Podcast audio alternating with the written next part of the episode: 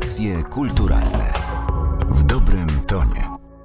Botanik, filantrop, lekarz, wykładowca i taternik to tylko niektóre z określeń, którymi moglibyśmy opisać działalność jednego z najwybitniejszych i najbardziej zasłużonych Polaków XIX wieku. Dokładnie dziś, 29 grudnia, świętujemy dwusetną rocznicę urodzin Tytusa Chałubińskiego. Przy mikrofonie Martyna Matwiejuk, a moim i Państwa gościem jest dzisiaj dr Marcin Warchałowski z Muzeum Tatrzańskiego. Dzień dobry. Dzień dobry. Postaramy się przybliżyć Państwu przynajmniej niewielki fragment szerokiej i wielowątkowej działalności Tytusa Chałubińskiego. Stanisław Witkiewicz powiedział, że nie ma w Zakopanem, w Tatrach, jednej dobrej sprawy, która by nie była przez niego zapoczątkowaną lub dokonaną. To właśnie dzięki Chałubińskiemu Zakopane nie tylko zaistniało w świadomości Polaków e, jako miejscowość uzdrowiskowa i stało się popularnym celem podróży środowisk inteligenckich czy artystycznych, ale także współczesna doktorowi społeczność lokalna bardzo wiele mu zawdzięcza. Od czego w ogóle zaczęła się ta jego fascynacja Tatrami i samym Zakopanem? Myślę, że Tytus Chałubiński został tak naprawdę doceniony w Zakopanem dzięki epidemii cholery w 1873 roku. I mimo, że w latach poprzednich odwiedzał Zakopane jako, jako turysta, to dla szerokiego grona Zakopieńczyków, szerokiego grona mieszkańców Zakopanego, no wtedy stał się bardzo znaną postacią. Trzeba przyznać, że rok ten był bardzo taki specyficzny i bardzo trudny dla Tytusa Chałubińskiego, ponieważ przyjeżdżając na, na wakacje, chcąc odpocząć w górach, okazało się, że w Zakopanym panuje epidemia, epidemia cholery. No a ponieważ Tytus Chałubiński praktycznie przez całe swoje zawodowe życie walczył czy leczył cholerę, no to również w czasie swojego urlopu, w czasie wakacji postanowił pomóc miejscowej ludności. I wtedy tak naprawdę wszyscy zaczęli Tytusa Chałubińskiego y, najbardziej szanować. Stał się bardzo znaną postacią, wręcz celebrytą, jakbyśmy teraz powiedzieli, ponieważ y, leczył bezinteresownie, bez względu na to, czy ktoś był zamożny, bez względu na jego wyznanie, bez względu na jego poglądy. Dla niego najważniejsze było dobro pacjenta. Górale bardzo szybko byli mu za to wdzięczni, ponieważ tak naprawdę musimy mieć świadomość, że wtedy, kiedy przebywał również z doktorem Urbanowiczem na wakacje w Zakopanych, był jedynym lekarzem w okolicy. Także to był jedyny człowiek, który mógł pomóc i, i pomagał, bardzo chętnie pomagał. Pomógł też księdzu Staloryczykowi, czyli plebanowi, który w tym czasie mieszkał w Zakopanem. Ksiądz Stolarczyk na początku nie był przekonany do doktora Tytusa Chałubińskiego, ponieważ już wtedy był, był rozwodnikiem, no i patrzył na niego troszeczkę krzywym okiem, no ale to, że wyleczył Tytus Chałubiński go z choroby, no to spowodowało zupełnie inne podejście do doktora Tytusa Chałubińskiego. I jak Stolarczyk opisuje, ta pomoc nie była taka z obowiązku, tylko naprawdę Tytus Chałubiński całe życie cokolwiek robił, angażował się w pełni to, co robił. No i opisywał, jak wieczorami, kiedy na plebanii nocował u księdza Stolarczyka, po wieczerzy nie kładł się spać, tylko tak naprawdę wychodził do swojego pokoju, a tam przez okno wymykał się na wieś, aby dalej nieść pomoc chorym. I za to górale go pokochali. Tak naprawdę oni byli bezradni, musimy mieć świadomość, że mamy do czynienia z XIX wiekiem, przyczyny cholery nie były do końca znane, metody jej leczenia też były z punktu widzenia współczesnej medycyny wręcz niepoważne, w związku z tym no, one nie przynosiły zbyt dużych efektów, no a świadomość społeczna była jeszcze niższa. W związku z tym Tytus Chałubiński robił co mógł, leczył jak potrafił, ale też edukował, tak? Uczył, że epidemie bardzo często wybuchają z powodu braku higieny. Cholera jest chorobą brudnych rąk, w związku z tym nauczał przede wszystkim górali i podnosił świadomość społeczną w Zakopanem. Wtedy górale się absolutnie zakochali w doktorze Tytusie Chałubińskim. Istnieją też takie opowieści, że no górale nie wiedząc czym jest cholera, nie, nie wiedzieli jak się zachować, w związku z tym jeżeli ktoś chorował, to bardzo często pozostawiano taką osobę, zwłaszcza jeżeli nie miała rodziny w domu, zabijano drzwi i okna deskami, no i czekano na koniec tej choroby w postaci śmierci pacjenta. Tytus Chałubiński widząc to bardzo się wzburzał i istnieją opisy, kiedy właśnie podchodził do takich chałup, te deski zrywał własnymi rękoma, dostawał się do środka, wynosił te osoby chore, opiekował się nimi i bardzo często płacił również innym góralom za opiekę nad tymi chorymi. Tytus Chałubiński był bez wątpienia przez całe życie zaangażowany w to, co robił, bardzo ciężko pracował, bardzo często uciekał też w pracę przy różnego rodzaju swoich problemach osobistych i angażował się w pełni to, co robił. Od tego momentu się stał się tym królem Tatr. To jest też bardzo symboliczne, że my się dzisiaj łączymy między Warszawą a Zakopanem, czyli między dwoma miastami, którym bardzo się przysłużył Chałubiński. I w obydwu tych miastach zresztą pamięć o nim jest pielęgnowana. Pozostawił po sobie bardzo dużą spuściznę materialną, o której za moment porozmawiamy, ale chciałabym zapytać jeszcze o to zaplecze teoretyczne. Krążą takie informacje, że niektóre jego teorie przyczyniły się do poszukiwań, które w przyszłości zaowocowały Nagrodą Nobla przyznaną innym naukowcom. Mówi się też o tym, że Tytus Chałubiński jest twórcą Polskiej Szkoły Filozofii Medycyny. Jak my dzisiaj ocenilibyśmy jego wkład w rozwój nauki? No niestety, mimo że możemy znaleźć takie pojedyncze artykuły, gdzie faktycznie wspominany jest dr Tyskobiński jako, teraz byśmy powiedzieli, wybitny naukowiec, ale myślę, że jego rola w rozwoju przede wszystkim szkolnictwa jest troszeczkę zapomniana, ponieważ y, dosyć rzadko mówimy o tym, że to on był jednym z y, założycieli Ogrodu Botanicznego w Warszawie. Myślę, że mało osób jest świadomych tego, że dr Tytus Chałubiński był tak naprawdę pierwszym y, twórcą, ponieważ jako pierwszy przetłumaczył podręcznik do botaniki z języka francuskiego na język polski, w związku z tym stworzył tak naprawdę pierwszy y, podręcznik do botaniki. Myślę, że zapominamy również o tym, że on propagował nauczanie nauk przyrodniczych w szkołach. W tej chwili jest to oczywiste, ale musimy być świadomi, że w XIX wieku, zwłaszcza w szkolnictwie gimnazjalnym, nauczano głównie e, nauk humanistycznych. W związku z tym nauczano języków obcych, nauczano filozofii, ale nauki przyrodnicze nie były zauważane w odpowiedni sposób. Tak? Tytus Chałubiński od zawsze twierdził, że dobry lekarz powinien mieć ogólną wiedzę przyrodniczą na wysokim poziomie. I był jednym z pierwszych, którzy aktywnie włączyli się właśnie w reformę szkolnictwa, proponując proponując, aby, aby ta w tej chwili biologia, chemia, fizyka, czyli te nauki przyrodnicze znalazły swoje odpowiednie miejsce w programie nauczania.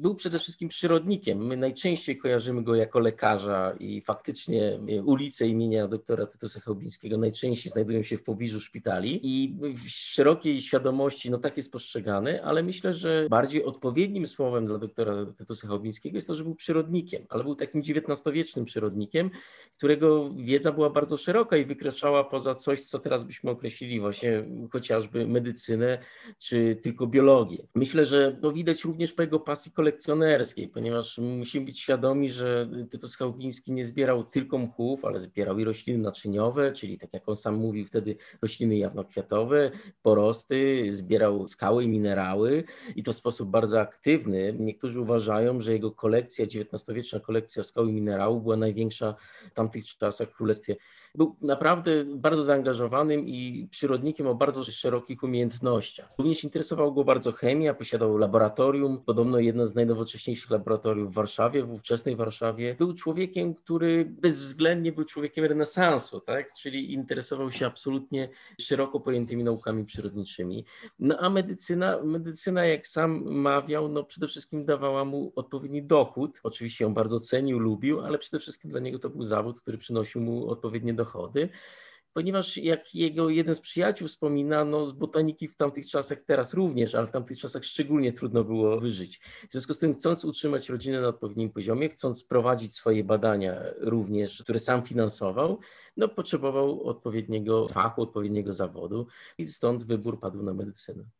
To zainteresowanie botaniką Chałubiński już wykazywał w tych pierwszych młodzieńczych latach, natomiast ono wróciło ze zdwojoną siłą, kiedy przyjechał do Zakopanego, gdzie warunki ku temu były sprzyjające. Pozostawił po sobie wiele zbiorów okazów przyrodniczych i chyba tym najbardziej znanym jest zielnik mchów tatrzańskich. Powiedzmy może kilka słów o tych kolekcjach. Trzeba przyznać, że Tytus Chałubiński był wybitnym kolekcjonerem, ponieważ najbardziej znany faktycznie jest z muchów tatrzańskich, które przetrwały do dnia dzisiejszego. Jeżeli chodzi o kolekcję tatrzańską, znajdują się w naszym muzeum, Muzeum Tatrzańskim imienia doktora Tytusa Chałubińskiego w Zakopanem, ale kolekcjonował też minerały, które również znajdują się w naszej kolekcji, te tatrzańskie minerały. Kolekcjonował też y, porosty, kolekcjonował też glony w czasie swoich różnych wypraw zagranicznych. Istnieją doniesienia wielu jego przyjaciół, że Tytus Chałbiński, kiedy wyjeżdżał na również zagraniczne jakieś wyprawy, wyjazdy między innymi do Włoch albo Francji czy Austrii, kiedy dowiadywał się, że gdzieś w pobliżu znajduje się na przykład jakiś nowy kamieniołom, w którym wydobywa się jakiś rzadki minerał, no bez namysłu postanowił to miejsce odwiedzić po to, aby wzbogacić swoją kolekcję. Wielu też wspomina, że bardzo chętnie wymieniał się swoimi kolekcjami i dzięki tym wymianom do tej pory zbiory doktora Tytusa Chobińskiego znajdują się w takich muzeach jak chociażby Muzeum w Lwowie, w Budapeszcie, czyli mamy do czynienia również z wymianą jak najbardziej zagraniczną. Jest y, tak naprawdę botanikiem, który w tej chwili ma sławę europejską wręcz. Z tym pozyskiwaniem okazów do zbiorów łączył się również tatrzańskie wyprawy górskie, popularnie nazywane przez Chałubińskiego wycieczkami bez planu. Im oczywiście było daleko do ekspedycji, jakie znamy dzisiaj. W czym tkwiła niezwykłość wycieczek doktora Chałubińskiego? Sam Tytus Chałubiński kiedyś wspominał, że jego wyprawy górskie i kolekcje, które on tam pozyskuje, są pretekstem do tego, żeby wychodzić w góry. Tak? W związku z tym bezwzględnie miłował góry, kochał wyprawy, same wycieczki bezwzględnie postanowił się jakby podzielić ze swoimi znajomymi pięknem tych gór. W związku z tym zabierał kogo mógł.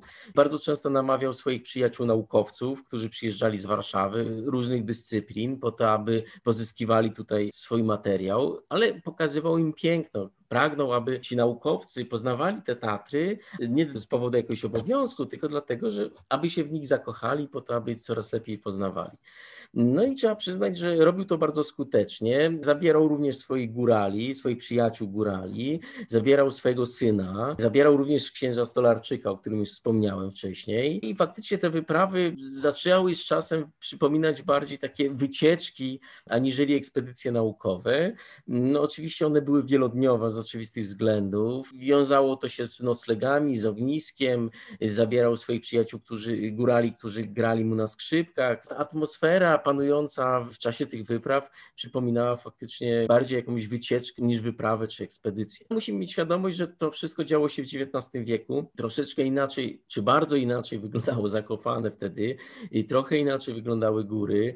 Te wyprawy były zdecydowanie bardziej niebezpieczne, one trwały zdecydowanie dłużej. Nie było żadnej drogi na skróty, nie było żadnej pomocy, w związku z tym no, te wyprawy musiały wyglądać inaczej. Trzeba też przyznać, że dr Tytus Chałubiński starał się tych wszystkich przyjaciół jak najlepiej y, przyjąć. Y, tam panowała iście rodzinna i przyjacielska atmosfera, która na przykład samego Kossaka, ponieważ on uczestniczył w jednej z takich wypraw, do takiego stopnia zainspirowała, że Tytus Chałubiński poprosił go o sporządzenie rysunków, które by pokazywały szerokiemu gronu piękno Tatr, ale również tą specyficzną atmosferę, która panowała w czasie tych wypraw. Kossak we swoich wspomnieniach bardzo sympatycznie wspominał te podróże, ale też trzeba przyznać, że widać w tych wyprawach również taką pasję taterniczą w tej chwili, byśmy powiedzieli, Tytusa Chałubińskiego, ponieważ no, jeżeli dobrze przeczytamy różnego rodzaju wspomnienia, to, to widać, że no, zakładano, czy chciano zdobyć większość szczytów, chciano jak najbardziej zwiedzić większość szczytów. Tytus Chałubiński jak najbardziej w czasie tych wypraw łączył wyprawy, wycieczki z takimi ekspedycjami naukowymi. No to myślę, że z takim wstępem i z taką wiedzą słuchacze powinni teraz obejrzeć wystawy proponowane przez Muzeum Tatrzańskie, by zobaczyć to wszystko, o czym Pan dzisiaj mówił. Co znajdziemy na tych ekspozycjach? Tej chwili najbardziej, czy najchętniej zaprosiłbym Państwa do odwiedzenia naszej wirtualnej wystawy Tej jak Tytus. Wystawy, która jest pierwszą wirtualną wystawą o doktorze Tytusie Chałupińskim, ale przez to, że ona jest udostępniona w internecie, jesteśmy w stanie pokazać rzeczy, których nie moglibyśmy pokazać w normalnych warunkach, ponieważ możecie Państwo zobaczyć po pierwsze kompletną kolekcję okazów geologicznych liczących blisko 300 eksponatów, która znajduje się w zbiorach Muzeum Tatrzańskiego oraz preparaty mikroskopowe muchów tatrzańskich wykonane przez samego doktora Tytusa Chałpińskiego. Rzecz, którą również bardzo trudno pokazać, w związku z tym to tylko internet daje nam możliwość, aby szeroki odbiorca mógł absolutnie każdy eksponat w spokoju obejrzeć i przejrzeć. Zachęcam do, zwłaszcza do przejrzenia eksponatów, do, do przeglądnięcia przede wszystkim preparatów mikroskopowych, ponieważ te preparaty pokazują przekroje, pokazują fragmenty listków, muchów, rzecz, którą na co dzień pewnie mijamy, których nie jesteśmy świadomi, jak bardzo różnorodne mogą być muchy i no, możemy zobaczyć w zupełnie innej perspektywie tak, te eksponaty. Warto podkreślić, że to są muchy, czy preparaty muchów, które mają przeszło 130 lat, także mają Państwo do czynienia tylko z po prostu piękną rzeczą, ale przede wszystkim z rzeczą dotkniętą przez bardzo znaną postać i mającą bardzo dużą historię. Część tych eksponatów, zwłaszcza geologicznych, które pokazujemy, zostały zebrane chociażby w czasie tych słynnych wypraw i dzięki notatkom sporządzonym w terenie przez doktora Tytusa Chałubińskiego, dzięki dokładnym opisom, jesteśmy w stanie prześledzić wycieczki z dokładnością do poszczególnych miejsc, które dr Chałubiński odbył. No i myślę, że no, te eksponaty w związku z tym mają taką dwojaką wartość, zarówno historyczną, jak i taką zupełnie przyrodniczą. Ale stworzyli Państwo nie tylko wystawę wirtualną. Tak, z racji panującej pandemii zdecydowaliśmy się przedłużyć wystawę Willi Koliba do końca lutego. Mam nadzieję, że w przyszłym roku, kiedy zapanuje już bardziej zdrowa atmosfera, będę mógł Państwa z czystym sumieniem zaprosić do Willi Koliba ponownie, zaprosić do oglądania artefaktów, które są w naszych zbiorach, ale również które zostały wypożyczone i są związane z postacią doktora Tytusa Chałupińskiego. Wśród takich najciekawszych eksponatów mogę wymienić chociażby ciupagę doktora Tytusa Chałupińskiego, która została została podarowana przez górali właśnie w pamiętnym 1873 roku.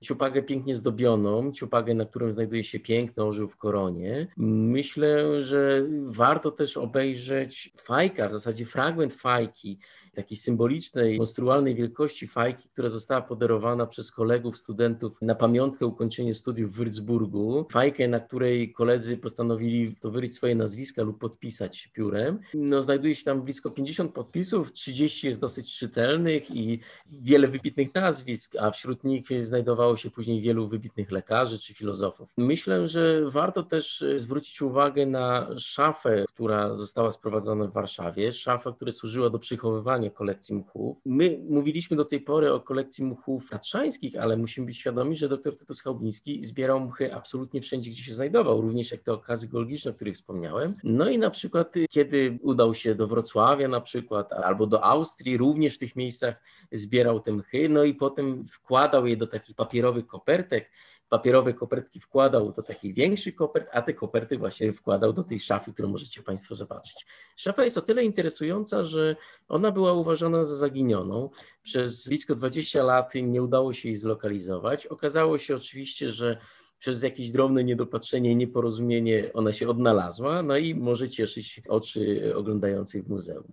Kolejną taką ciekawą rzeczą, która do tej pory nigdy nie była prezentowana na żadnej z wystaw dotyczących doktora Tytusa Chałubińskiego, jest barometr. Barometr, który był używany przez doktora w trakcie wypraw do Zakopanego. On został skalibrowany przez samego Tytusa Chałubińskiego do ciśnienia panującego w Zakopanym. W związku z tym cyferblat jest osobiście przez niego podpisany i właśnie jest napisane Zakopane. Barometr do tej pory znajduje się w rękach prywatnych, znajduje się we władaniu potomków doktora Tytusa Chałupińskiego i specjalnie na naszą wystawę został wypożyczony. Warto też wspomnieć, że te wystawy, te wszystkie przedsięwzięcia związane z doktorem Tytusem Chałubińskim zostały stworzone z myślą o uczczeniu dwusetnej rocznicy urodzin doktora Tytusa Chałubińskiego. W związku z tym ta wystawa jest bardzo taka specyficzna i taka myślę ważna i 29 grudnia tego roku, czyli dokładnie w dzień, kiedy przypadają urodziny doktora Tytusa Chałubińskiego, planujemy również, niestety zdalnie z powodu pandemii, ale również uczcić jego pamięć. Mam nadzieję, że więcej informacji niebawem pojawi się na naszym Facebooku oraz stronie internetowej, do śledzenia których zachęcam. To ja jeszcze tylko dodam, że wystawa wirtualna Te jak Tytus, opowieść o królu Tatr, do której znajdą Państwo odnośnik w opisie audycji, powstała dzięki dofinansowaniu z programu Narodowego Centrum Kultury Kultura w sieci, a gościem audycji kulturalnych w dwusetną rocznicę urodzin Tytusa Chałubińskiego był dr Marcin Warchałowski z Muzeum Tatrzańskiego w Zakopanem. Bardzo dziękuję. Dziękuję również. Audycje kulturalne w dobrym tonie.